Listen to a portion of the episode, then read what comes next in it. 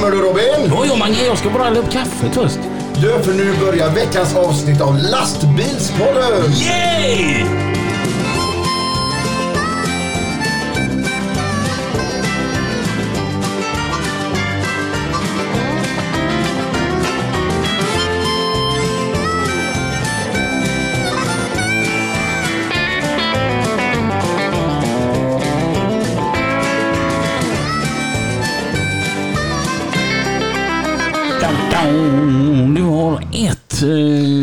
Uppdrag, Mange. Vad min vän? Någon gång så måste vi ju köra hela signaturmelodin live, tänker jag. För du kan ju spela. Ja, ja, ja. Ge mig en fakturaadress bara. Hej Robin! Hej Mange! Mår du? Tack, det bara, bara, bara, bara, bara, bara, bara bra. Nu är det onsdag morgon. Onsdag morgon klockan är nio, nio slagen. Klockan är nio. Vad har du det är gjort då? dags för gjort? nyheterna. Vad har du gjort det sista? Nej, kört min eh, Volvo och bara tyckt att livet är allmänt gött faktiskt. Om jag säger så här att jag är på väg att övertala min polare att få köpa en Viking med kran. Mm. Vad säger du då? Gud vad fräckt. Just do it. Men jag har ju inget C-kort än. Kan jag låna dig? Ditt körkort, vi är ju ganska lika. Ja men visst är vi. Ja. Jag tar det som en komplimang faktiskt. För att du, du är ju vad jag och många med mig kallar gubbsnygg. Fantastiskt. Är det jag och Persbrandt? Ja, du, jag tycker du är tjusigare än Persbrandt. Vad ska du göra till helgen som kommer? Ehm, Har du tänkt att lura in mig i något eh, trädgårdsarbete nu? Nej, nej, nej. Jag ska Nej. ut på turné så att Okej. du är inte inkluderad. Nej. Nej. Nej. Nej. Okej. Nej. Nej. Dangren har sagt att du inte får vara med mer. Va? För du klagar på han för mycket. Ja men någon, du, du ger mig pengar för att klaga på Landgren. Har du fått din tröja som du beställde i oktober? Ja, kanske. Ja. Vi går vidare. Eh, Ja, vad ska du göra till helgen? Jag vill bara veta. jag ska bo på hotell. Du ska vara på hotell? Ja. Jag med. Du med? Fast bara i tjänsten. Ja, jag gör det mest för nöjes, för lite i tjänsten. Ja, det är bra. mm. Jag ska ner och spela i Ljungby och Kristianstad. Okej, jag ska till Hisingen. Du ska till Hisingen. Du ska hem. Ja, Ja, hum, hum igen. trevligt. Mm. Men vi är inte ensamma här idag. Nej, vi har en gäst och gästen då heter... Linda Johansson. Hej Linda, varmt välkommen till Lastbilspodden. Tack. Hur, hur, hur mår Linda idag? Nej, men jag mår bra. Härligt. Ja, härligt. Vem är Linda? Ja, vem är Linda? Jag eh, bor i Askim ihop med min eh, sambo. Mm. Eh, jag är eh, 47 Mm. år gammal. Ungdom. Ungdom, ja. Ser mycket yngre ut. Tycker du? Jag har Ja, faktiskt. tack. Ja, 40 kanske hade jag gissat på. Nej, Jo. Du strålar ju om dig. väldigt schysst. Nu vill han åt din lastbil. Ja, Ja, ja, Askim. Mm. Och så var det sambo. ja. Har vi katt och hund och... Nej, jag är ju allergisk tyvärr. Men jag hade ju jättegärna velat ha en, Mm. en hund. Det är väldigt roligt att ha hund. Ja, det är det va? Ja. Ja. Jag får se sen när vi går i pension. Ja. Om det går att köpa någon sån här allergifri eller någonting. Du får köpa en sån utan päls. Det finns en nakenhund. Ja, precis. Ja, fast ja. Jag kan säga, hälften av det roligaste med att åka upp till Champions League och hälsa på dig, det är att träffa Dino. Ja, Ja. Det, tycker, det tycker du va? Vad Ja. är det för en hund? En forster. Jaha, det vet jag inte ens vad det är för Nej, det var han. Ja, han det var ju han. Det var, det var ja, den där. jätte... Ormen vet du. Ja, Han det är ju så god. Han gillar dig Robin. Ja, Ja. jag, ja, jag älskar hundar. Han, eh, Robin, sover över hemma. Ja. Smiter han och sover han i sängen med Robin. Ja, men gud. Ja, ligger vi bägge två i sängen. Det är Ja. görmysigt. Han är så nöjd för där, då får han lov att ligga i sängen och vet att jag uppskattar det. Mm. För att eh, där på ovanvåningen så är det någon som är mo- motståndare till att han ligger och sover i sängen. Nej, jag vill inte ha han i sängen. Nej, men det blir grusigt. Ja, det är precis. och- jag tänker att vad fan, det är inte mina sängkläder. Exakt, det, det är precis så han tänker. Så är det. Och... Eh, Linda kör lastbil. Jag kör lastbil. Är det en tuff lastbil? Ja, det är det väl. Det kan jag väl tycka att det är. Är Vad vill ni veta? Det är en Volvo. Aj, aj, aj, inte nu igen. oj. Jag hade hoppats du skulle svara Scania. Ja, det är faktiskt en Volvo. En Volvo. Då tar du över Robin, för Ja. jag kan inget om Volvo. Vad är det för en fantastisk produkt till- tillverkad på Hisingen du sitter i? Ja, det är en FM. Mm. En fyraxlad. Säger jag. Eh, jag vet inte vad du vill veta. Ja, vad kör- 500 hästkrafter. Vad kör du med den? Jag kör byggmaterial. Mm. Så jag kör kran. Det är du. Mm. Den är lite tuffare. Mm. Vad är det för en kran? Det är en eh, HMF. Mm. Hur stor? 70 ton. Oj! Oj, Det är en stor kran med.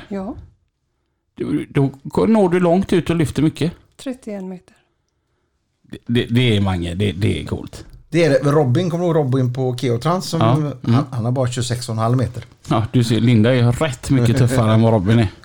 Ja. Så är det. Ja, vi mäter i kran nu för tiden. Tuffheten sitter i kranen. Ja. Och hur mycket lyfter man ute på 31 meter? 450 tror jag ungefär. Jag tycker ändå det, det, är liksom, det är starkt jobbat. Den lyfter dig och mig. Jaha, Och det är tungt. och en semla. Och eh, vad, är, vad är det roligaste med jobbet?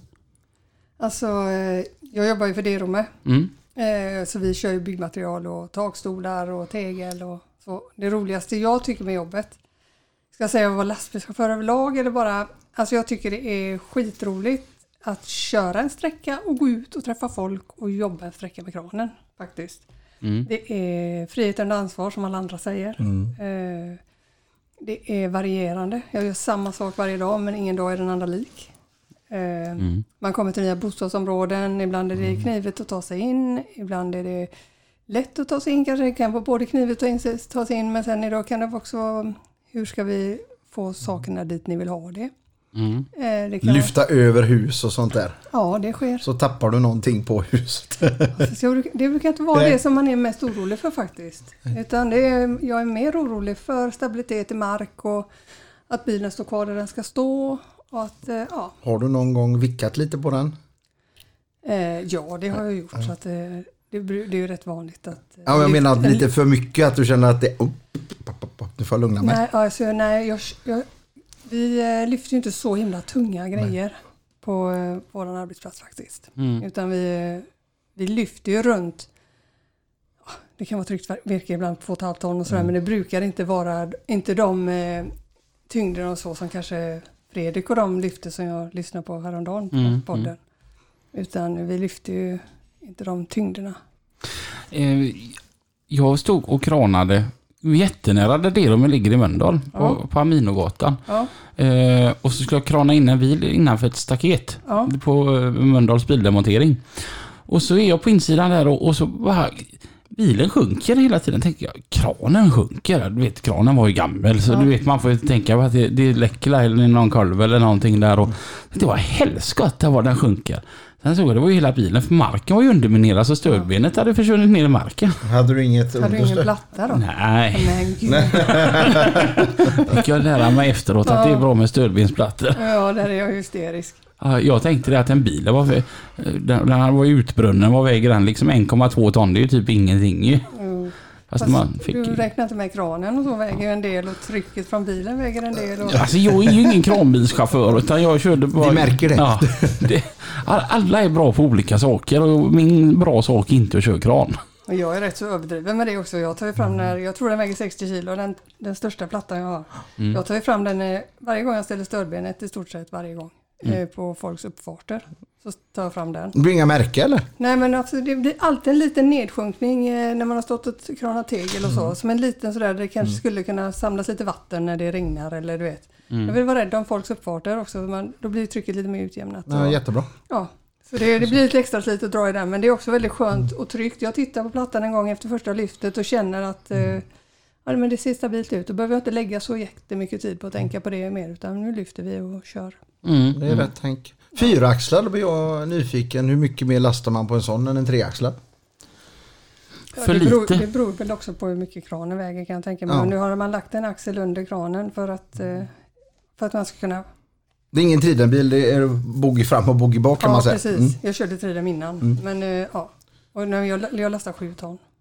Så ja. Ja, det får Jag du, med vill ju att mycket. jag ska lasta så mycket som möjligt så jag faktiskt levererar byggmaterial också. du får med mycket byggmaterial på 7 ton. Ja, det får jag. Men det ja. Jag tänker, eh, takstolar, är du med och lyfter och monterar då eller? ja. Det måste väl vara roligt kranjobb att Ja. montera kran, takstolar? Takstolar, limträbalkar tycker jag är de absolut roligaste. Ja. Men det är, och speciellt limträbalkar och så. Jag gillar när det blir lite precisa grejer, lite finlir istället för det här stora stygga. Och så just att man, mm, då blir man ju en del utav arbetet på ett helt annat sätt. Man är där med gubbarna eller gummorna och, och grejar. Ja, vi löser det tillsammans och så. Jag tycker det är roligt faktiskt. Och du blir ju en del av husbyggnationen. Ja, så känns det ju också. Så är det ju också när man åker runt. Jag vet inte om ni har hört det förr, men när man åker omkring med sin sambo så familj och så, så är det oftast där, där har jag varit och Mm. det huset jag varit med och byggt. Du känner till det. Den trädgården, den gräsmattan har jag gjort. Det, Ja. det diket. Ja, så ja, det, ja. Där satte jag limtrabalken. Ja. och då säger det här har jag lagt asfalt säger du. Jag tror jag har berättat eh, för Lina säkerligen 28 gånger när vi svänger om mot McDonalds i Kungälv att den här, just den här kurvan här vet du, var min släpalja vet du. Ja, just det, det har jag, jag har hört. Och alltså vad spelar det för roll? Men man är ju yrkesstolt som människa och jag tycker inte det är fantastiskt ändå. Jo. Yrk, yrkesstolthet är faktiskt inte många som har heller ibland. Nej. Nej, Mm. och det, det, det var ju lite som, jag råkade ut för en grej förra veckan. Eh, jag skulle få en grej levererad och blev lovad detta. Och så visade det sig då att det, det var stängt. Alltså grindarna var stängda och den här personen var inte på plats. Och så sa jag att men du får ju komma och öppna då. Och den här personen svarade, ja men alltså jag har sex mil dit. Ja, men det är ju du som har lovat leveransen. Ja. Och, eh, och, då, så, så, och så blev det inte och jag var jättearg. Och så pratade jag med min kollega Kristoffer som har varit med i lastbilspodden och då säger han det att det är så här Robin att du och jag vi är lastbilschaufförer. Och vi kan inte förvänta oss att folk som inte är det har samma servicekänsla och yrkesstolthet. Nej. Det tyckte jag var väldigt fint sagt och jag tror att det gäller väldigt långt. Att, att chaufförer är väldigt dedikerade för sitt arbete, att folk ska bli nöjda. Och det är ju det är ju jävligt, jävligt bra. Och det är därför nog mycket med, med stolthet som man säger att det där har jag gjort. Absolut. Oavsett om det är då att ly- lyfta limträbalkar eller anlagt en trädgård eller skickat av en balja med asfalt. Till den här parkeringen har jag lagt 018. Ja men det är lite så, ja du ser inte ens 08 för det är asfalt uppe Ja. på liksom. Men du vet man har ändå fan varit där liksom. Ja, ja, ja. Mm. Och just sån här montagegrejer tycker jag verkar jäkligt kul. Det är då man, jag hade kunnat tänka mig att köra kran. ja. Annars, är annars är jag ju lite sån så här, för det kommer ju alltid, om man kollar bakåt i tiden så brukar det komma en höst och, som följs av en vinter och då tänker jag att då är det inte askul att köra kran. Nej men alltså, då är det kanske inte så mycket tegelmonteringar och så. Det som är då är väl att det är mycket vagga. Alltså att vi står utanför och lyfter upp i fönster där de drar in en skiva i taget med gips till exempel. Mm. Och då jobbar ju de inne i värmen och har det gött. Mm. Så Om du står Men- ute. då står jag ute och väntar jag medan de lyfter och bär in. Så ibland så kan det, kan det ju vara så att det, det försvinner en stund och så står man och väntar och undrar vad, vad är det som pågår där inne. Oftast är det ju att de behöver sprida ut gipset där inne. Om de ska ha åtta paket så kan ju inte det stå precis bredvid fönstret utan Nej. det måste ju spridas in så att det ja, sprides på hela våningen. Så det är klart att det tar tid. Men då får man ju ha lite tålamod och eh, värmehandskar. Ja. Mm. Är du frusen? Alltså man fryser om fingrarna när det är vinter. Det, så är det bara. Mm. Alltså man, får ingen, man har ingen känsel i fingrarna. Nej, du har sån magväska också? Eller kan Ja, man säga. precis. Mm. Så det är väl det värsta när det är kallt, det är fingrarna och tårna. I början så går man där och steppar och sen fortsätter man ju steppa för att man inte ska glömma av sig. Mm. Men under tiden man står och kranar så blir det oftast att man står helt blickstilla och bara fokuserar på lyftet. Och det gör ju att så snabbt man slutar sen och väntar med att då, då känner man, gud vad kall jag är. Men där fick jag ju lära mig något fantastiskt av vår sponsor Mercus yrkeskläder. Lager på lager. Ja. Alltså tre tunna strumpor värmer bättre än ett par tjocka. Så är det. Mm. Mm. Och det, det gäller ju fan vad det än gäller, alltså vilken kroppsdel vi än är och pratar om. Så lager på lager är gött. Så då på dig tre på kalsonger då eller? Fryser inte jag gör ofta där. Nej. Men eh, själva principen. Ja, jag fattar. Undrar om det är samma då med handskar då, att man tar på bomullshandskar under. Sådana här tunna, du vet. Det är det ju säkert. Ja. Jag, jag brukar ju byta hela tiden så man lägger några på värme där inne. Mm. Så tar man eh, nya par så snabbt det börjar bli iskallt. Mm. Men jag har ju också ett par värmehandskar. Sådana med eh, trådar runt fingertopparna. De är väldigt Va? tunna. Ja. Ja. Så, Och du måste ju kunna jobba också liksom. Det kan inte ja, vara... men så sätter jag ett par handskar över. Så jag använder vanliga handskar när jag fäller ner lemmar, gör ordning innan lyftet. Men sen när jag börjar lyfta sätter jag på mig dem. Eh, Så fryser jag inte av fingertopparna. Står man ute i fyra timmar och lyfter så, så blir man oftast kall ändå till slut. Mm. Men det är ju bara att fortsätta röra på sig och bita ihop helt enkelt. Vad är det längsta jobbet du har haft där du har stått still och kranat? Nej men det kan vara en hel dag. Det är så? Ja, Ja. det kan vara en hel dag. Är Men det ja, de godaste dagarna? Ja, men jag tycker att de dagarna är roliga. Det tycker jag verkligen. Alltså när vi monterar hela hus eller eh, Varbergs hus när det kommer i lösvirke och vi monterar alla takstolar och lyfter in allt gips på plattan. Eh, då är väggarna redan byggda. Mm. Och sen monterar vi takstolarna och sådär. Mm, mm, Det brukar ju ta en fyra timmar kanske allt det där. Fyra, fem timmar. mm, Så en kranbil har många gångtimmar med få mil. Ja, så brukar det vara. Mm. Men sen kan jag ha vissa leveranser eh, också som bara är snabba leveranser. Men eh, ofta står jag ju still och lyfter. Och eftersom jag är inne i stan mycket så blir det också eh, kanske sådana här timlyft. Att jag åker dit, lyfter någonting över någon, eh, något garage, över ett hus. Eh, Eftersom jag inte lastar så mycket tegel heller då, så jag kanske inte kan ta med mig kärran överallt så blir det ju också att jag kanske tar med mig sex pall, åker dit, det tar en och en halv timme, tar nästa tegelmontering. Mm. Så att då är det, det blir lite sådana, Mm. och det är också helt sköna dagar att bara åka runt, lyfta fyra, fem lyft och så. Jag tänker... ehm, vad fan var det jag tänkte nu då? Jo, jag, jo, eh, jo, det var det här jag tänkte säga. Nu, eh, nu har jag tänkt färdigt. Ja, kom igen. Shoot Robin. Att ofta så vill byggarna ha det där klockan typ sju då. Mm. Och då måste du börja ganska tidigt då på dagarna om du ska hinna lasta också. Vi, nej men vi börjar alltid sex och bilen så lastar när vi kommer till jobbet. Nej. Jo, Vad är det för lyxställe du jobbar på sa du? det är Romär. Det låter ju göttigt. Ja. Lastar ni på kvällen då? Eller på, innan de går hem? Ja, vi har Eller lastare som gör det för oss. Nej. Så ti- Jo, till så tidigt morgon? ja det är stroppat och klart. Nej. Bandar dem och gör allting? Ja, alltså nere i det rummet Veddige så är det bandat och klart och eh, färdigt för att åka iväg. Åh Eh. Men inte hos oss i Mölndal. Utan där är, är det allting är stroppat och klart för Mm. lyft och så är det vi bandar det själva. Ja, ni får banda det själva i alla fall. Ja. Ja.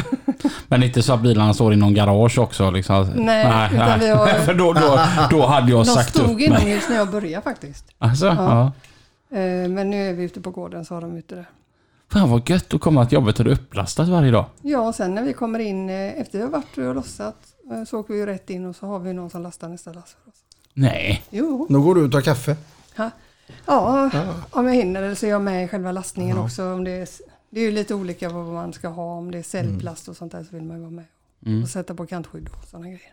Tycker du att det är riktigt skoj att vara chaffis? Ja, det tycker jag. Vad Alltså, jag trivs väldigt bra på det de också. Ja, men jag menar när du Ja. går upp på morgonen när klockan ringer Ja, så är det skoj att gå till jobbet. Ja, det är jag. jävligt viktigt att känna så tror jag för att må bra. ja jag tycker det. Och sen är, det handlar ju också om att man blir liksom inte fullärd här. Nej. Utan varje dag, jag lär mig något nytt hela tiden.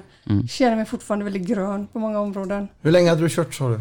Ja, detta är mitt sjunde år. Sjunde år ja. Mm. Och då tog jag mitt B-körkort när jag var 39. Oj! Oj! Och sen gick jag direkt in och läste lastbilschaufförs i 40 veckor då på eh, Elof Lindes vuxenskola där. Så jag har kört mer lastbil än vad jag kört personbil kan man säga. Ja, ja. Har du CE eller C? Se. CE?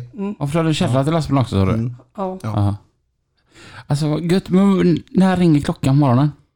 eh, 4.25. Är du en sån som studsar upp då? Ja, det gör jag. Jag vågar inte snosa. Men det är ju för att jag har en historia i mitt liv som gör också att om jag... Ja, jag, så att jag är rädd för att, att hamna i något slags eh, gammalt... Ja okej. Ja. Men, men, men 4.25 när går du och lägger dig på kvällen då? Ja, åtta Oj. eh, ligger jag i sängen alltså. Mm. Eh, Men nu när det börjar bli ljus så kan man inte somna direkt. Så man ligger ju och scrollar i telefonen. Ja. Eller något kanske. Alltså TikTok är typ världens farligaste app. Ja. För, och det finns så mycket roliga videos och så vill man bara se nästa och nästa nästa. Du vet, jag kan gå och lägga mig klockan nio på kvällen och så bara elva. Det, här, Ja. yes, det här var ju två timmar som jag har legat och scrollat helt i onödan. ja. Men när du ska gå upp, när går du upp då? Mm, Jag sätter klockan på 04.15 Ja. och jag går väl upp 04.45. För du snosar? Ja, det är ja, så men det är gott. modigt men det vågar inte jag. Vad tänk, eh, skärmtid 2.46 Mm. var du? Väldigt mycket mer. Och, och nu ska jag förklara för dig. Det, det, det, det, är så här att Mange, han är bra på alla sätt och vis. Va? Men det är, när det kommer till detta så är han så trög så jag vet inte. Men nu ska jag förklara så här riktigt långsamt. Sa du trög? Ja, så denna gång- kanske du fatt, fattar det nu. Jag har, spelar ju Spotify på min telefon. Och då är den igång hela tiden. Den är öppen. Jag Vilket gör att- Spotify. Vilket gör att den visar det som skärmtid. Så den kan vara vart, så jag har en skärmtid på så här åtta timmar om dagen. Men det är inte rätt att sitta och titta på telefonen i åtta timmar som du verkar tro. Det tror jag att du gör. Mm. Jag har förstått detta för varje gång ska jag ju ställa den här frågan. Och varje gång så förklarar jag också. Åh, så kommer den djupa sucken där. Eh, Hade du klarat dig utan telefon en vecka Robin? Jag hade inte klarat mig utan dig en vecka. Du är Det- bra det gör också. du ju. Nej, men har inte telefonen blivit ett sätt att slappna av en stund också? Jo men så är det ju. Ja. Mm, Men den är ju beroendeframkallande, det är den ju. jag ser det mer som ett jävelskap som man måste ha. Det, det, nej, jag bränger inte mycket på telefon. Jag tar hellre YouTube på tvn om man säger så. Du gillar serier och sånt och titta på eller? Ja, det Ja. man hinner innan man somnar. Ja. Mm. Nej, det är för mycket ADHD, grejer. Jag gillar att plöja serier så här på vardagskvällar. Nu när jag bara för att slå bort huvudet. Just nu kollar jag på My Name Is Earl. Ja, just det, det kommer jag ihåg. Han som håller på med den här karmalistan. Mm. Det är ju sjukt kul. Vi kollar på Hawaii 5 Det har du sagt många gånger. Ja, det är svinbra. Ja, jag har fortfarande inte gjort det faktiskt. Där fick jag det att köpa bilen ifrån. Okej. Ja. Mm. Har du några sådana serier som du följer? Och ni vill inte höra, jag, jag precis sitter och kollar på den här Married at first sight. Okej. Bara relationer. Det blev alldeles tyst. Relationer och dramer och beteenden och sånt. Men du tror inte att det kan förvrida huvudet någon gång tror du? Nej men jag tror att det är bra också. Ja, det- är säkert jättebra. Alla har olika smak och man Ja. får respektera det. Så Ja, är det. men alltså, hellre det när jag ska koppla av och bara kolla på någonting som från början känns som att "Åh, jag kan bara koppla bort allt annat. Men samtidigt tycker jag det är väldigt intressant med beteenden och beteendemönster och hur vi behandlar varandra och att vi faktiskt är olika och att det är okej och varför bråkar vi om det? Att vi kan ja, ska acceptera varandras olikheter. Och jag är väldigt mycket för sånt, tycker sånt är väldigt intressant. Lina som inte ens sitter här inne. Hon sitter och kollar på så här. Du vet, såna här jätte, jätte, jätte tjocka amerikaner. Här, Ja. vad den heter, My... Biggest Loser liknande. Nej, för Nej, det är ingen Biggest... tävling. Nej, utan det är, ju- de följer My en människa. Life Ja, eller någonting. någon, Nej. Biggest Life kanske Ja, Åh fan. så här människor som väger så här 300 kilo. De måste ha det tufft. Ja. Ja, så- sånt tycker hon är kul att sitta och titta på på kvällarna. Jag bara, men Lina. Ja. Det, vad är det för fel på Deadly's Catch? Eller Rederiet. Ja. Säg inte emot dig. Nej. Det kan vara lite häftigt. Tänk vad häftigt det är. Rederiet. Ja, men det fanns ju det förr när man var liten. Det var varuhuset, goda grannar. Nu är jag tusen år äldre än dig Robin, men du kanske kommer Ja, ihåg dem? kommer ihåg. Tre kronor. Tre kronor ja. Ja, det- är bra grejer. Lilla ja. huset på prärien, Macayen, Ja, absolut. Åh, Seb McKayen. Dallas. Dallas ja. Georg, det var min favorit. Ja, jag är ju döpt efter J.R. Ewing. Men du är alldeles för snäll för att vara Georg. Ja, men jag, men jag, det är ju mina initialer. Jag heter John Robin. John Robin heter Av en han. anledning. Ja, Robin. Ja. Mm. Det lät nästan som Robin Hood va? Så jag, jag är ju J.R. Rösberg. Junior. Nej, J.R. Ja, ja. ja jag fattar. Mm. Jag fattar. Och, eh, min kollega Drängarna Robban, han är lite som Cliff Barnes i Dallas. Han har alltid otur. Ja, jag, Ja, jag, har nog om inte, det. jag har inte följt alla så slaviskt faktiskt. Nej, men det gjorde man ju för morsan. Hon Finns någon som heter Dallas. Suellen va? Mm. Ja. Är hon bra? Nej, Ja, knäckexa. hon var, hon var lite... Vägen till det då med var inte spikrock däremot? Nej, det var den inte. Nej. Det var den inte. Alltså, jo, från den dagen att jag eh, blev drogfri Mm. så skulle man väl kunna säga att den eh, var spikrak. Eh, att det har gått jäkligt bra. Mm. Förvånansvärt bra från vad jag själv trodde. Att eh, ja, hur mitt liv skulle se ut idag kan jag säga. Du bestämde dig och du bestämde dig för att köra lastbil. Ja, så såg det inte riktigt ut från Nej, början. okej. För alltså, utan det har ju byggts upp små hopp under Mm. vägen. För så jävla enkelt är det inte. Nej, jag är väldigt okunnig om Ja. just den biten. Så att, Eh, nej men alltså, eh, jag levde i ett missbruk. Eh, det tog ju 20 år att hamna på botten för mig. Eh, jag tror att allas personliga botten ser olika ut. Mm. Så jag tänker, eh, känner man att man har problem med eh, alkoholen främst, är det väl för det är ju den som är den första. Att det alltid går åt helvete när man dricker. Mm. Eller att det var värst för jag alltid gör bort mig. Eller men det blir alltid så här. Man sitter och gråter när man druckit eller vad det nu kan vara. Att man faktiskt kanske har ett problem eller att man märker att det blir alltid problem hemma eller att det är någonting. Att det går överstyr varenda gång man dricker så kanske man faktiskt har ett problem. Mm. Nu var ju jag 15 år när jag flyttade hemifrån och var rätt så säker på att jag skulle klara mig själv. Och flytta ihop med en äldre kille och lite sådär. Och det var lite där det började för att jag sket, min, det sket sig med min ekonomi helt enkelt. Eh, när, jag, när vi flyttade isär sen när jag fick en lägenhet. Och, Eh, Sådär. Det tog som sagt 20 år innan jag var i ett djupt missbruk och bodde under Älvsborgsbron och var hem, hade varit hemlös i 10 år. Eh, så att berätta hela resan dit, den är för lång. Mm. Utan det är massa, men alltså det från början ser det ut som vilket jä- jäkla liv som helst. Det är så. Alltså att man går och jobbar med, eh, med sitt jobb, man går på after work, man dricker lite cider för många. Man hänger med dem och har där tändes Ja. en pipa hasch och då testar man det. Alltså vissa fastnar och vissa, vissa gör det inte tänkte jag säga men eh, har du problem med alkoholen från början så kan jag nästan garantera dig att du kommer få, bli- få, få problem med det andra också. Mm. Jag kan inte prata generellt, jag kan bara prata för Ja. mig själv egentligen. Hur lyckas man vända sånt här då? Men alltså, under resans gång så försöker man väl vända på det. Mm, Men från Eh. att försöka till att lyckas så är väl steget stort. Ja, och i början är man ju fortfarande ett stort förnekande. att Man ser fortfarande drogen som en lösning, man ser festen som en lösning, man ser mm. killen man är ihop som en lösning, man ser eh, ja, liksom att eh, ja, jag klarar det här men jag klarar inte det andra. Eller man jobbar på men man får nästan inga pengar för det är Kronofogden som gör utmätningar. Och det är massa sådana här grejer. Och till slut så hamnar man i en situation där man känner att jag skiter i allt nu. Mm. Eh, nu tar jag drogen, nu tar jag den varje dag. Och det är inte så att man tar det beslutet utan det blir en sakta, vad ska man säga, man glider in i det på något sätt. Mm.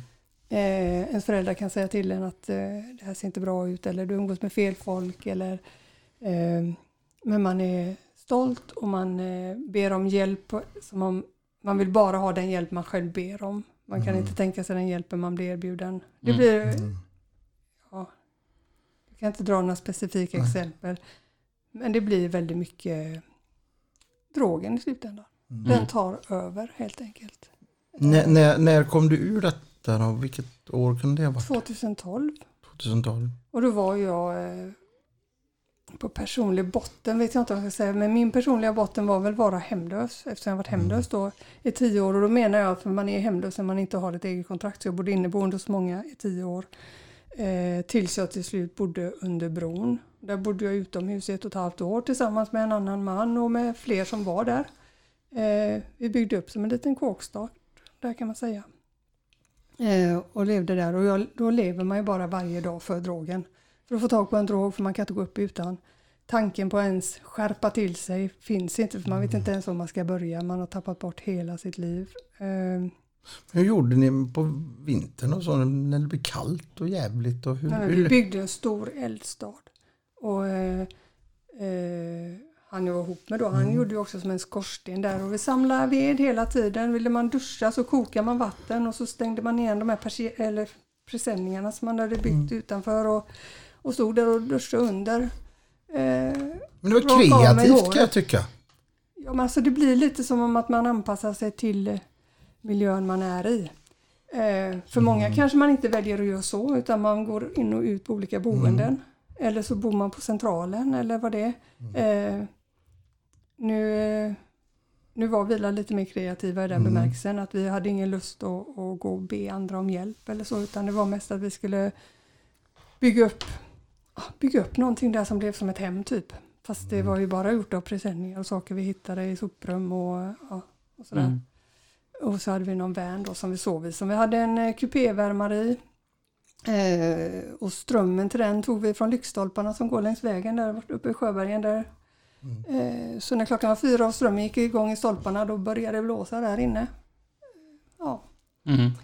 men man gick rätt mest runt och samlade ved och försökte överleva och försökte liksom gå där och dona. Man gick liksom på sin egen stig.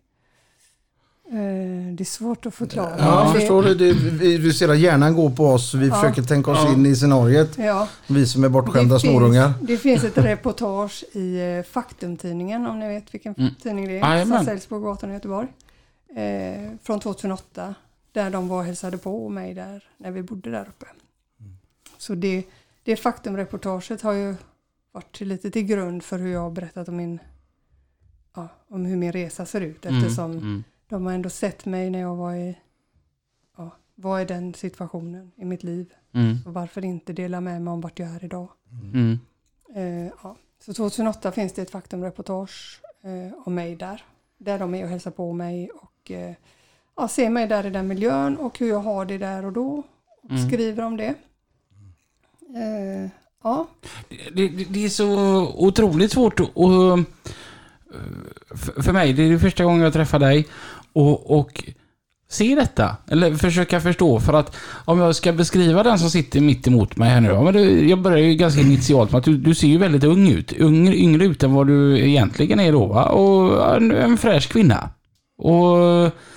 eh, vad man verkligen inte kan ens föreställa sig. Alltså det, det, det måste vara som två skilda personer tänker jag. ja det är det. Det är det. Men vad, vad hände då, då 2012 och framåt där? Men då hade jag bott på några av de här boendena som finns i Göteborg. Och eh, jag fick ett mindre fängelsestraff, ett kortare fängelsestraff. Och innan det så säger min socialsekreterare till mig, då har jag fått en fast socialsekreterare och haft henne i, eh, i kanske två, två år, två, tre år från det att jag bodde under bron. Så hon hängde med mig hela tiden. Det var liksom inte längre aktuellt för mig att byta, byta socialsekreterare åt alla håll och kanter. Det fanns liksom inget det fanns inget längre som sa att, eh, att jag inte är en missbrukare och sådär, utan nu är jag det. Utan innan har jag kanske kunnat dölja det. Innan jag bodde utomhus kunde jag dölja det rätt så bra. Eh, för att jag är socialt acceptabel, eller vad ska jag säga. Ja, du kan föra dig. Jag kan föra mig. Eh, men det kunde jag inte längre när jag levde så. Så hon... Eh, sen kan, ska, min mamma eh, var ju också jaga i bakgrunden. Hon försökte göra allt hon kunde för att, eh, för att jag skulle få hjälp med olika utredningar och allt vad det var. Så att eh, den här socialsekreteraren säger i alla fall helt plötsligt, eh, för hon frågar hela tiden om jag vill ha ett boende i en drogfri miljö och sådana där grejer. Och eh, jag tackar ju hela tiden nej till det för jag hade ju inte problem med droger. Jag hade bara problem med boende. Ja, det är en del av en eh, stor förnekelse där kan man Ja, säga. jag fattar. Men man ser det inte. Det, det, jag vet inte, det låter som man ska förklara sig. Men man ser det inte. Drogen gör dig så oövervinnelig. Den får dig att känna dig eh, helt okej. Du klarar situationerna på dagen. Du klarar av den här dagen och att du inte har ett jobb eller vad det är. Och att du inte behöver fixa mat och äta och allt det där. Och man hoho, blir på glatt humör när man tar den här drogen. Men en dag så hamnar du på en, i en situation där du faktiskt inte ens kan gå upp ur sängen om du inte tar den här drogen. Man märker liksom inte ens att den har tagit över mig fullkomligt där utan för mig är det bara fortfarande eh, samhället som har svikit mig. Jag har ingenstans att bo. Jag har bett om hjälp på de här sätten men de ger mig ingen... Var, varför ska jag sluta knarka om jag inte har någonstans att bo? Men hon sa det en dag i alla fall. Men alltså att det, du kommer få ett boende om du visar att du är drogfri. Det här säger man ju till nästan alla. Och många kämpar ju med sin drogfrihet överhuvudtaget. Svårt att hålla sig drogfri en dag en gång. Men när hon sa det så kände jag att det var första gången någon sa att det är bara det vi kräver av dig. Så får du någonstans att bo. Och då blev det typ som att, ja för jag har inga problem med droger. Okej, är det bara det ni vill så ska jag vara drogfri. Eh, men jag kommer inte sluta. Så tänkte jag. För ingen ska kunna ta den här drogen ifrån mig. Eftersom den betydde mycket för mig. Det var den enda tryggheten jag hade. Eh, utan eh, jag tänker hålla mig drogfri för att få den här bostaden och sen kan jag börja igen. Och efter att ha träffat väldigt många som har fått bostad i det här, på det här sättet så vet jag att det kommer ta fem år. Ungefär. Med bostadstrappor, referenser, man ska bevisa sin drogfrihet, man får bo på ställen där man ska komma hem vissa tider. Man ska helt enkelt, allting som har varit ens egna stolthet, att man bara ska göra allting själv och klara mig själv och göra detta och sådär. Det ska man, eh, man ska börja på nacken. Man ska göra vad man blir tillsagd. Man ska komma hem klockan 11. Mm. Du, ja, man ska gå och kissa och ta ett blodprov när de säger att du ska göra det och man ska göra vad man blir tillsagd. Och det tänker jag göra då i fem år tills jag får min bostad. Sen tänker jag börja igen. Och sen hade det helt plötsligt gått fem år då. Ja, Mm. men de här fem åren så... eh, För det första så märkte jag också vad trasig jag var när jag slutade med drogerna. Mm. Att det, att det, var, att det har tagit på mig. Eh, Att eh, allt var inte så himla lätt som jag trodde. Det är inte bara att sluta med det här. Utan det har hänt någonting. Det som står i böckerna är sant. Mm. Vad händer när du tar för mycket amfetamin? Det står att du blir paranoid. Det står att... Jag vet inte vad står det? Det står nog mycket dumt i alla fall. Nej, men det, de, de här typiska biverkningarna av det så tänker man bara, ja men det är under tiden man tar det. Jag kommer ihåg när man satt i skolan och lyssnade på någon som kom till skolan och berättade om hur det är att ta droger och det ska ni inte göra för då blir man så här eller så. Det såg man ju alltid som att, ja fast sån kommer inte jag bli. Fast man blir det. Förnekelse. Ja, man blir det. Så att även om det inte syns på mig kanske rent utåt sett, jag har mina tänder kvar, jag kanske inte har så mycket tics eller sådär för mig, så betyder inte det att inte jag har tagit skador av att ta de här drogerna. Mm. Utan jag eh, får vara försiktig med att stressa och sådana grejer. Jag har lätt för att gå in i, i känslor av eh, ja, att jag inte duger som jag är eller att, eh, att, att jag kan känna att, att det konspireras. Mm. det, låter, Ja, det låter så sjukt att säga Mm. det. För Nej, men du- men vem är hon som arbetar egentligen? Är hon, är hon paranoid? Nej men alltså det är väldigt viktigt att ta det lugnt och att jag hämtar hem mig själv. Mm. Och så, därför det har hänt någonting med mig, givetvis. Känner, känner du att för varje år som går nu när du har ett bra liv, Så blir man friskare och friskare. bättre och bättre? Och bättre. Absolut. Mm. Absolut. Så då har du verkligen något ännu mer att blicka fram emot. Ja, absolut. Mm. Var föddes den här idén då att du ska bli lastbilschaufför? Och det, var, det var också sån här... Eh, eh, från början så trodde jag inte att jag skulle börja jobba överhuvudtaget. Jag skulle bara ha den här bostaden. Mm. Och så sa min socialsekreterare, hon har hjälpt mig så mycket, så det var mest att, ska du inte börja läsa lite gymnasieämnen och så? Vi har något som heter provvux här, du får läsa det med försörjningsstöd i din takt. Ja, ja, jag kan gå all in. Ja, klart jag kan det. Ja, och hon säger bara, men ta, ta ett ämne per termin.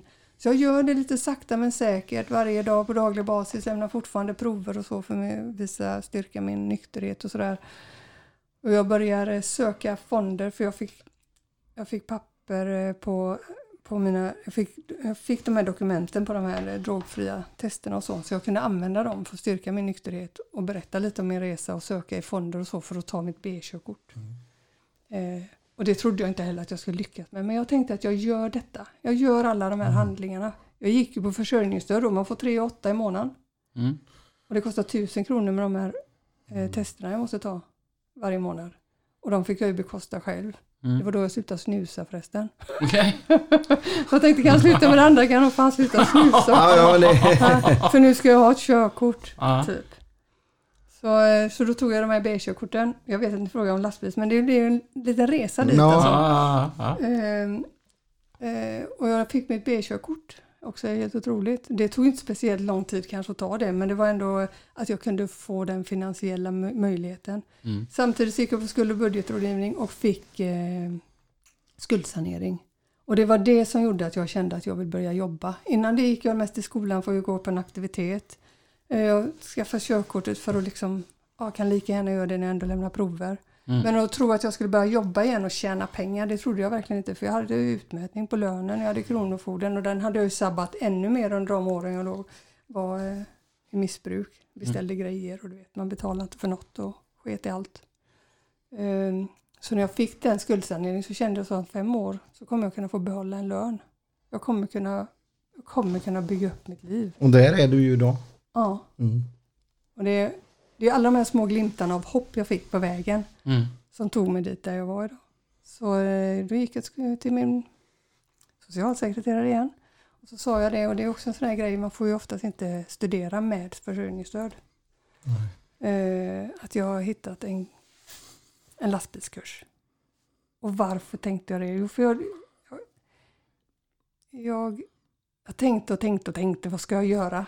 Och så tänkte jag, om jag- ska börja jobba igen med min bakgrund så vill jag liksom, jag vill dra på mig en overall, jag vill gå till jobbet, jag vill göra mitt jobb den dagen.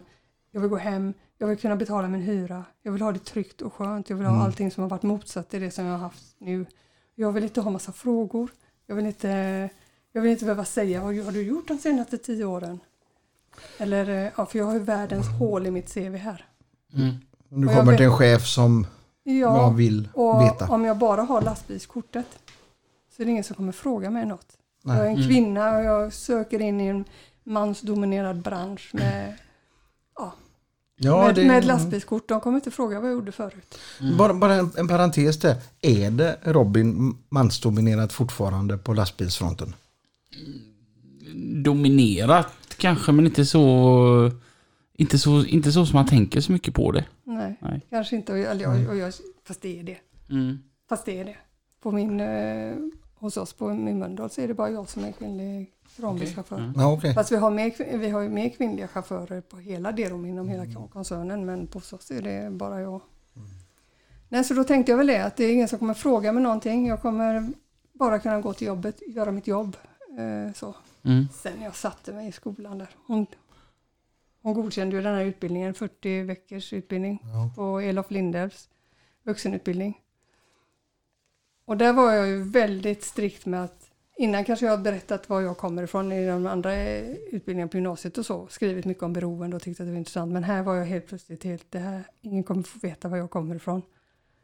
För det kändes väldigt också så att jag kommer bli dömd. Att, eh, nu ska jag ut och köra tung trafik. Här. Ja, du vet. Mm. Dömer mig själv säkert mycket. Så vill- jag vill inte att någon ska veta var jag kommer ifrån. Eh, Så att, eh, jag gick under radarn där kan man säga. Ingen som, alltså, jag gjorde det jag skulle bara. Och när jag satte mig i lastbil första gången så tänkte jag bara, "Vad herregud, vad har jag gett mig in på? Vad har jag gett mig in på? Men det gick ju bra. Ja, det gick ju Ja. bra, men alltså när man sätter sig i den här lastbilen. Ja, men- jag vet inte hur man kan förklara det om Nej. man inte har... Ja, Jävla, jävla resa liksom. Det är liksom från botten kan man ju säga va? ja, Till att du har nått ett helt vanligt hälsosamt liv. ja. Idag har jag jobbat sju år. Alltså två, två veckor innan jag slutade Mm. skolan. Så visste jag, jag kan ju ingenting om branschen, känner ju ingen. Mm. Jag känner ingen som jobbar, jag har inga gamla klasskamrater kvar. Jag, alltså jag, vet, jag vet ingenting om lastbilsbranschen egentligen. Jag tycker bara det verkar tufft och kul att köra Mm. lastbil. Men då har, du, då har du bara en sak att tänka på. Att den, det fordonet du framför. Ja, Du ska lämna en pall takpannor till Janne Andersson ja, på Moränvägen liksom. ja, Och det, du gör det och så åker du tillbaks till nästa grej. Ja. Skit i allt och alla. ja. Och Bara att kunden är nöjd. Ja. Så det, jag ringde en bekant och så bara frågade, vad heter det, att äh, du kör lastbil, tror du jag får följa med dig en dag på jobbet och bara se hur ni har det? Så jag vet vad jag, så jag får lite kött på benen innan jag ska söka. Mm. Och det tog två dagar där, sen hade jag jobb på det rummet. Alltså. Ja. Jag tänker, vi är inte den första median där du medverkar i Nej. Och berättar din historia. Eh, hur, hur reagerar de på Deromen när du berättar? Alltså jag berättade inget från början. Mm. Utan eh, det var ju samma där som i skolan. Alltså att jag, eh, jag, fort, jag lämnade fortfarande prover och grejer när jag började på Derom och jag ville ju absolut inte att någon skulle veta det. Jag, för att få eh, lämplighetsintyget för att köra lastbil krävde ju ännu mer prover med tanke på min bakgrund. Så det var ju någonting, de ringde bara in mig så skulle jag komma och lämna det. Och sådär, så jag ville inte att någon skulle veta någonting. Så att, nej, det gjorde jag också under radarn. Eh, ända tills Faktum, tidningen, hörde av sig till mig igen och frågade om de kunde få göra en uppföljning på det här 2008-reportaget. Mm. Det var, Vilket år är du på? Då är jag på 2022 va? Ja. Eller 2021, ja, eller ja, 2020. Ja, det är något Ja, där. Ja. Så jag har jobbat i eh, tre, fyra år eller någonting. Mm. Eh, så där hade jag några veckor där jag verkligen eh, begrundade om jag verkligen skulle göra det. Därför då visste jag att min Mm. historia kommer kanske komma upp till ytan. Folk på jobbet kommer kunna veta. Sen är det ju några av mina arbetskamrater som har vetat vad jag Ja, ja. Men de har hållit käften liksom. Ja, och, Mm. och min chef har haft också så att det var liksom, eh, för någon hade läst det gamla faktum, så att det var liksom inte så, men hela eh, det de visste ju inte om det eller så. Det var, ja, det var inte så att jag gick ut med det och pratade om det. När folk frågade, hade jag en praktikant i bilen eller om det var någon med mig i bilen så var det alltid, vad gjorde du förr idag? Nej, jag har jobbat lite i butik och sådär. Och sen eh, fint väder. Ja, precis typ sådär. Vad fick du för mottagande på den här uppföljningen då? Ja, alltså eh, Från ditt jobb då menar jag. bara kärlek. Häv- Bara häftigt. kärlek. Alltså platschefen mötte upp mig eh, och säger bara Linda, så, jag tyckte du var så jävla bra innan men nu är du bara bäst. ja, alltså det låter som, Mm. eh, men alltså för mig vad betydde det skitmycket. Ja, alltså, jag, jag får ju säga... Eh, det var ju min och din gemensamma vän Linus eh, som eh, tipsade om att den här tjejen ska ni fan ha med i lastbilspodden. Hon är asgrym.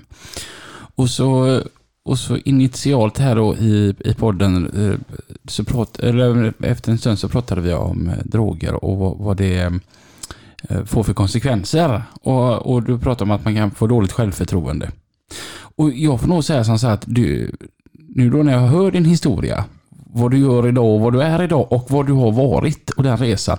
Du är nog en av de starkaste personer jag någonsin har träffat. Tack. För vilken jävla resa du har gjort rent ut sagt. Ja, och det fantastiska är att jag tycker detsamma om er. Ni som gjort den här resan utan, alltså utan att ta, ta droger, ni som verkligen fixade och var i samhället, ni som gjorde allting precis från början och gick gymnasiet, gjorde allt det ni skulle. Liksom och byggde upp era familjer och gjorde precis så som man ska. Alltså jag är ju lika imponerad på er. Alltså det är ju det jag önskar att jag gjorde och som jag inte hade förmågan till. Mm. Eh, så det är det. Jag vet Ja, inte, men det, jag fattar Ja. hur du tänker. Det, det, är- det som det, jag gick ju inte klart gymnasiet till exempel. Nej, För jag ville gå musik men jag var för dålig på teorier. Men, så jag la ju mitt liv på att sitta hemma och lira. Och jag är nog den enda jävla musiker nästan. Ja, aldrig rökt en Nej. cigarett nej, till exempel. Jag tror inte jag har sett droger på mer än i tidningar. nej. Mm. Det, det, för det är ju en bransch där det kanske förekommer sånt. Ja, Mm. Och det, det, att få höra din historia då, det är ju något som man inte vet någonting om. Som Svenne Banan om man säger så. nej. Och, och, ehm, och du bollar tillbaks då att vi har gjort på det rätta sättet, får man säga så? Ja, ja. Eh, Men eh, ja, det, det är en eloge till dig som har tagit det från 0 till 100.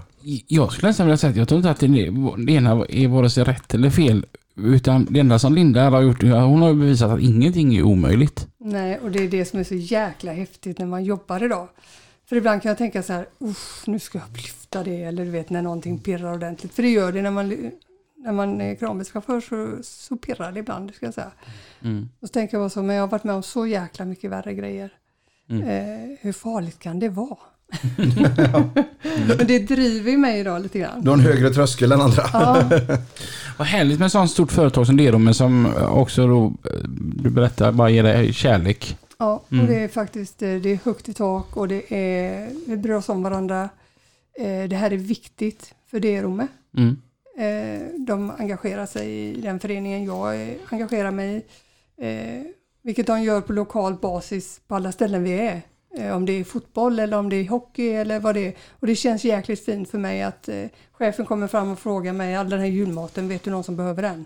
Ja, det vet jag. Mm. Alltså det här att eh, de är lika engagerade i det här.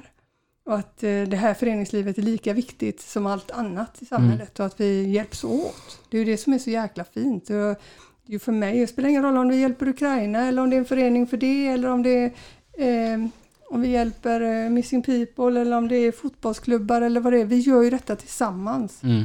Eh, och även om inte jag har några barn idag så eh, finns jag gärna där för ungdomar som, om det skulle behövas. Eller om det är, ja.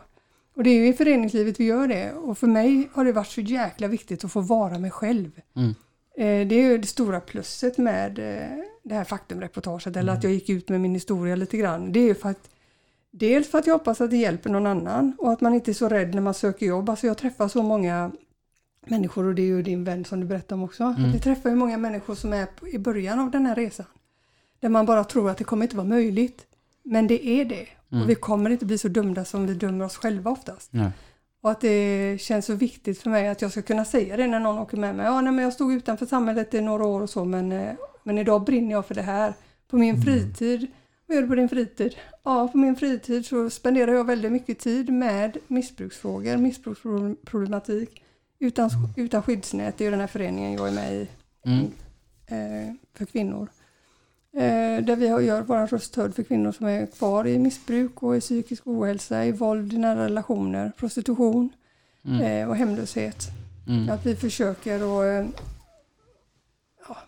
bli medbjudna olika debatter, politiska sammanhang och i utredningar för vad som har funkat för oss och vad tjejerna där behöver. Och att vi är väldigt tacksamma att de hör vad vi säger. Mm. Mm. Men även delar ut eh, omsorgsväskor och eh, är som en eh, stärkande varm kram Mm. för de tjejerna som är kvar där ute. Vi finns här för dem om de vill det. Mm. Men också stå upp för andra kvinnor. Och du, och du är ju ett fullständigt levande bevis på att det går. Ja, det gör det verkligen. Och jag antar att du förmedlar det till de här människorna som verkligen behöver höra det. Ja, det hoppas jag. Jag tänker också på det om man är på väg neråt. Att, eh, säg det. Säg det till någon bara. Mm. Säg det. Jag dricker för mycket eller vad det än är. Det betyder inte att åh gud, jag kommer här och hjälper dig nu. Men det betyder så jäkla mycket att bara kunna prata om det. Det är inget farligt. Det är inte ovanligt. Utan det är bara, säg det högt. Ja, Och nu Ja. tänker du på det här nästa gång du tar en öl. Jag tänker om man har problem med det. Men i, i, idag så är vi drogfria och kör lastbil och bara... Vilken är den allra bästa arbetsdagen du kan tänka dig? När mår du som allra bäst på jobbet? Nej men det måste väl vara efter en eh, montering tänker jag. När man har stått och lyft eh, ett hus hela dagen eh, och monterat takstolarna, huset börjar bli färdigt och du vet, det är fint väder, fåglarna kvittrar. Eh, alla är nöjda, kunden är nöjd, jag är nöjd. Mm. Hej då, trevlig helg. Och så sätter man på musik på högsta volym nästan på lastbilen och så kör man inåt igen och är nöjd med, med jobbet. Klart, utfört. Har det gått åt helvete någon gång på jobbet eller varit nära att gå åt helvete?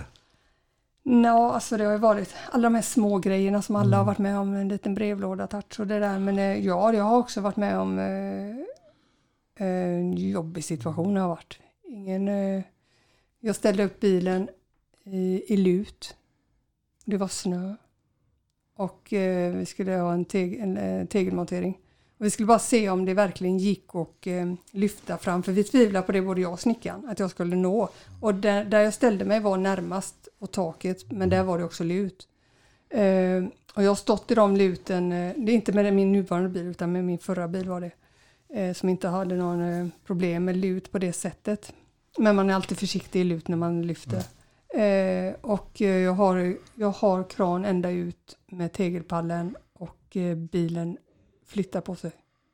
Oj, Ja, då är man inte tuff va? nej det var riktigt jobbigt. Var det. Nej, men jag hade ställt ut jättestora plattor, eh, för det var ju gräs där. Man skottar ju alltid under plattorna för att se vad det är där också, så man vet vad det är man ställer plattorna på. Så allting var ju ordentligt gjort och den vilade på sina axlar och allt det här. Men eh, antagligen eftersom jag inte hade så mycket vikt på bilen och så snabbt den kom ut så långt, jag nådde ju inte taket, Nej. så, eh, så, lätt, så blev det halt under. Eh, Mm. så de flytt, den flyttar sig bara ett steg bakåt och stödbenen går ifrån sina plattor och rätt ner i gräset. Så det är inte så att den välter på något sätt utan den, den, eh, den går ett hack neråt. Så både jag och snickaren tittar på bilen för vi tänkte först bara "Uff, oj och sen tittar vi på kranen och då gungar ju den. Den går ju liksom inte ner men den gungar ju. Mm. Så pallen vill inte så vara kvar på, på gaffeln. Så den går rätt ner i backen. Oj. Är Men ingen under. Ingen under, inga olyckor på det sättet eller så. Men det var eh, o- riktigt obehagligt och eh, där låg man en hel natt kan jag säga och funderade på vad kunde jag ha gjort bättre där. Eh, för direkt efteråt så bad jag ju någon komma dit, eh, nödköra kranen och eh, se till att allting var okej med bilen så att inga skador var på den. För Mm. nu ställer jag upp den längre ner här istället. Och nu kommer jag inte nå, men nu står vi och delar av hela de här pallarna till halva pall. Och eh, då nådde jag ju fram. Eh, och det kunde jag ha gjort ända från början Mm. kanske. Det är ju sånt man går igenom sen när det väl har hänt. Att, eh, vad var mitt ansvarsområde här? Och jag hade gjort allting jag skulle. Men eh, ja. Men du ville väl vara behjälplig för snickarna också så de får det så bra som möjligt? ja, men man lär sig en jäkla massa på det där. Mm. Alltså, eh, nu, alltså jag och den snickaren var väldigt överens också när jag körde upp där. För det hade snöat så himla mycket. Så att han bara, ja, men jag har grusat en väg åt dig här och sådär. Så han var också väldigt säkerhetsmedveten. Han hade haft eh, bilar i, i dikna förr som sagt. Så att han visste liksom också att här är det halt och sådär. Eh, här borde vi ha saltat av hela den eh, innan jag ställde mig där. Vi borde ha sett till att allt, även under stödbilsplattor, allting var helt rent innan jag ställde mig där. Idag ställer jag mig gärna inte lut överhuvudtaget. Absolut inte när det är snö ute. Det är roligt du berättade, jag kör snö på vintern. Mm. Och Ibland får man det samtalet att eh, 08.30 kommer det en kranbil till den gatan och där ska vara så rent det bara går. Och det är prio ett för dig nu. Absolut. Mm, och då får man ju, ja då kanske då klockan åtta och tiden kommer, då får man vara där, ploga, grusa, ploga, grusa. Ända fram till bilen kommer, Ja. då kan man lämna. Ja. Och, och grejen är ju så här med en sån här historia som du precis berättade.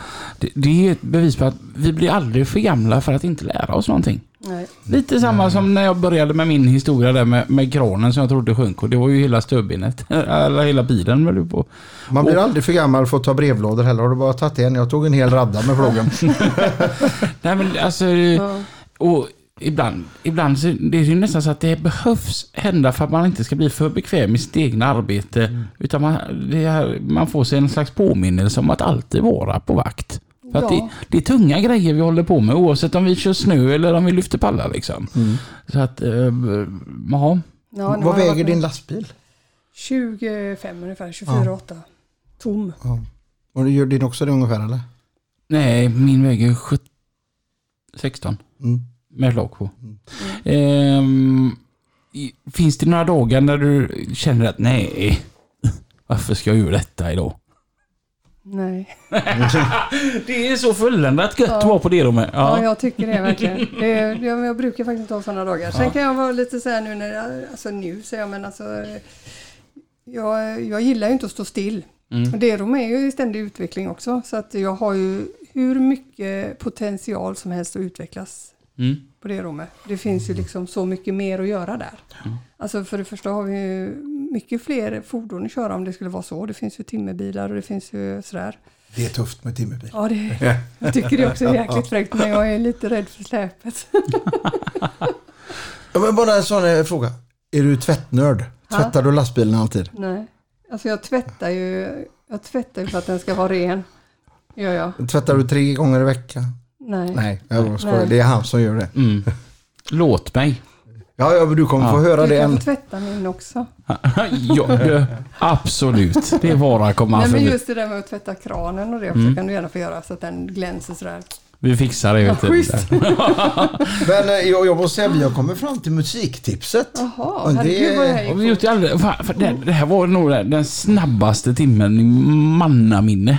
Det är kul. ju kundande. Ja, vi hade jättekul. Känner du dig allt gött nu? Ja, det känns Ja, bra. jättebra. Jättebra. Jag får bara, bara säga innan vi drar igång mu- musiken. Mm. Ehm, Derom är ju ett stort företag. Ja. Ni är görmånga som jobbar där va? Ja, Och du pratar... 2800 ungefär Så- in, inom hela koncernen. Mm. För du pratar väldigt varmt om Derom. Ja, Eh, rekommenderar du folk att komma till oss och ja, jobba? absolut.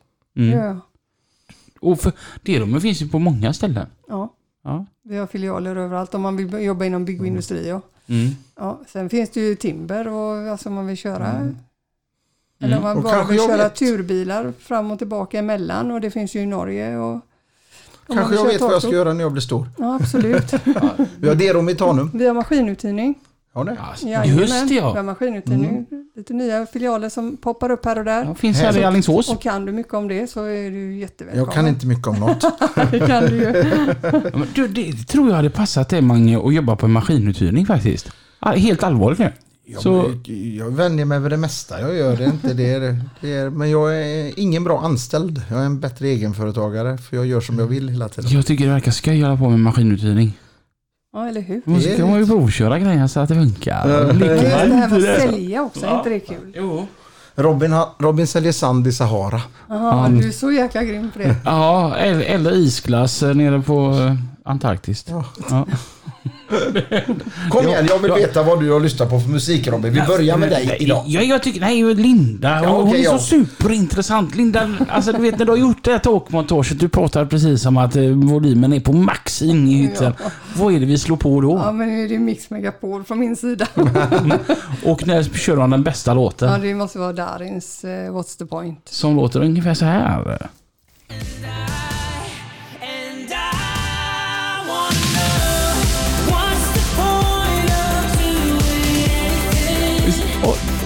Första gången som gästen dansar samtidigt.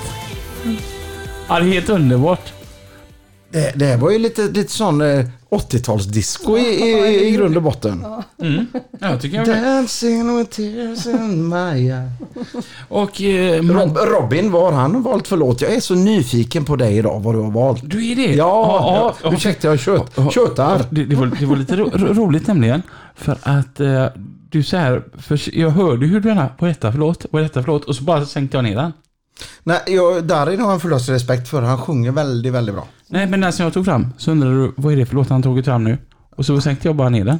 Nej, men jag var så inne i Darin så att jag reflekterar inte över dig. Okej. Eh, jag kör faktiskt en eh, med Victor Lexell. Victor Lexell var det Mm. ja. Eh, hans, eh, han gjorde ju en låt ihop med Einar. Och den heter Din låt. Jag tycker den är fantastiskt bra. Nyfiken.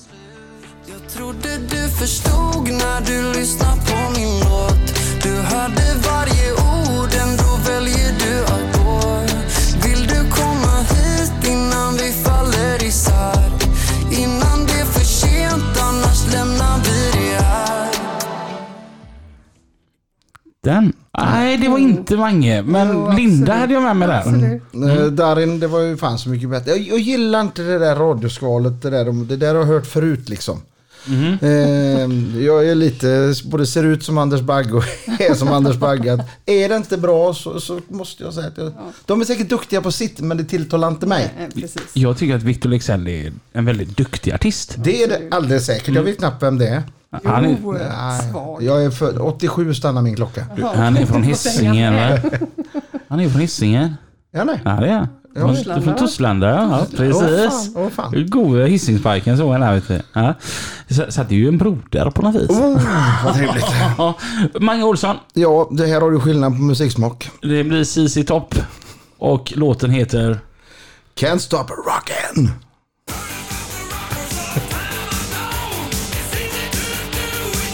Lite mer action i sången där. Okej. En öl i varje näve. Ja, jag ser det framför mig. Det är jättebra. Ja. Nej men vi har olika musiksmak alla och Mm. jag är väldigt fast i rock. Ja, Jag tycker om det alltihop. Jag tycker om Och sen gillar jag bra sångare, typ Tommy Nilsson, Joey Tempest och Darin är en bra sångare. Mm. Victor Leksell inte lika stark sångare, enligt mig. Vad är de med i den då? Bland det bästa i världen. Absolut. Vi var på Maiden, jag och frugan i somras. Jag och gubben med. Du var det på Ullevi? Ja, ja. Jag tycker Dickinson för att vara 60 plus sjöng Helt som en gud. otroligt var det. Fantastiskt. Ja, jag tänkte bara, men herregud, får han luft? Ja, jag kände det när vi gick till bilen så sa jag det till, till frun att Nej, fan, det är sex getingar av fem möjliga på detta. Absolut, skitbra var Ja. det. Apropå Victor Leksell, alltså det där han gjorde ihop med mm, Miriam Bryant. Vem är det? Ja, Ja, Den- jag, den jag skojar. Ja, den, den, vi, igår var vi på restaurang, jag och Lina och Christian. Och så var den låten på och jag sa det till Lina. Den här låten kommer aldrig bli dålig. Och Lina bara, jag tror du har sagt det hundra gånger nu. Vad, är, vad är det för låt då? Ja, det, vi kan ta det som nästa gångs musiktips. Ja, men gärna. Jag Mm. hoppas du hittar något som är bra. Då. Du, Linda, eh, det var superintressant att höra din historia. Jag tycker du är skitgrym. Tack detsamma. Och tack för att du gästade oss här. Det var intressant att höra. Och jag, jag får säga, eh, av, av allt det, eh, detta du, du har berättat, det, är- det är jäkligt starkt det du har gjort. Den här resan är ju helt otrolig. Och även lika starkt att, att du berättar om det. Och eh, det var som jag sa till dig när vi ville ha med dig att jag tror att det är en viktig historia även att få ut här i lastbilspodden. För det är många som behöver höra den kanske. Ja, Mm. det är inte omöjligt helt enkelt. Och bara be om hjälp. Mm. Fortsätt med ditt fritidsintresse och hjälpa andra. Ja, det är snyggt. Mm. Tack. Vi behöver mer människor som dig Linda. Tack. Tusen tack allihopa för att ni har lyssnat den här veckan. På lastbilspodden. Ja, vi är tillbaka igen nästa vecka ungefär vid samma tid. Ska vi säga på testa. På tisdag. Nej, visionstågar för det Det är vi. så gammalt. Klockan nio på morgonen. Ha det så gött nu allihopa. Dito. Hej! Hej. Hej.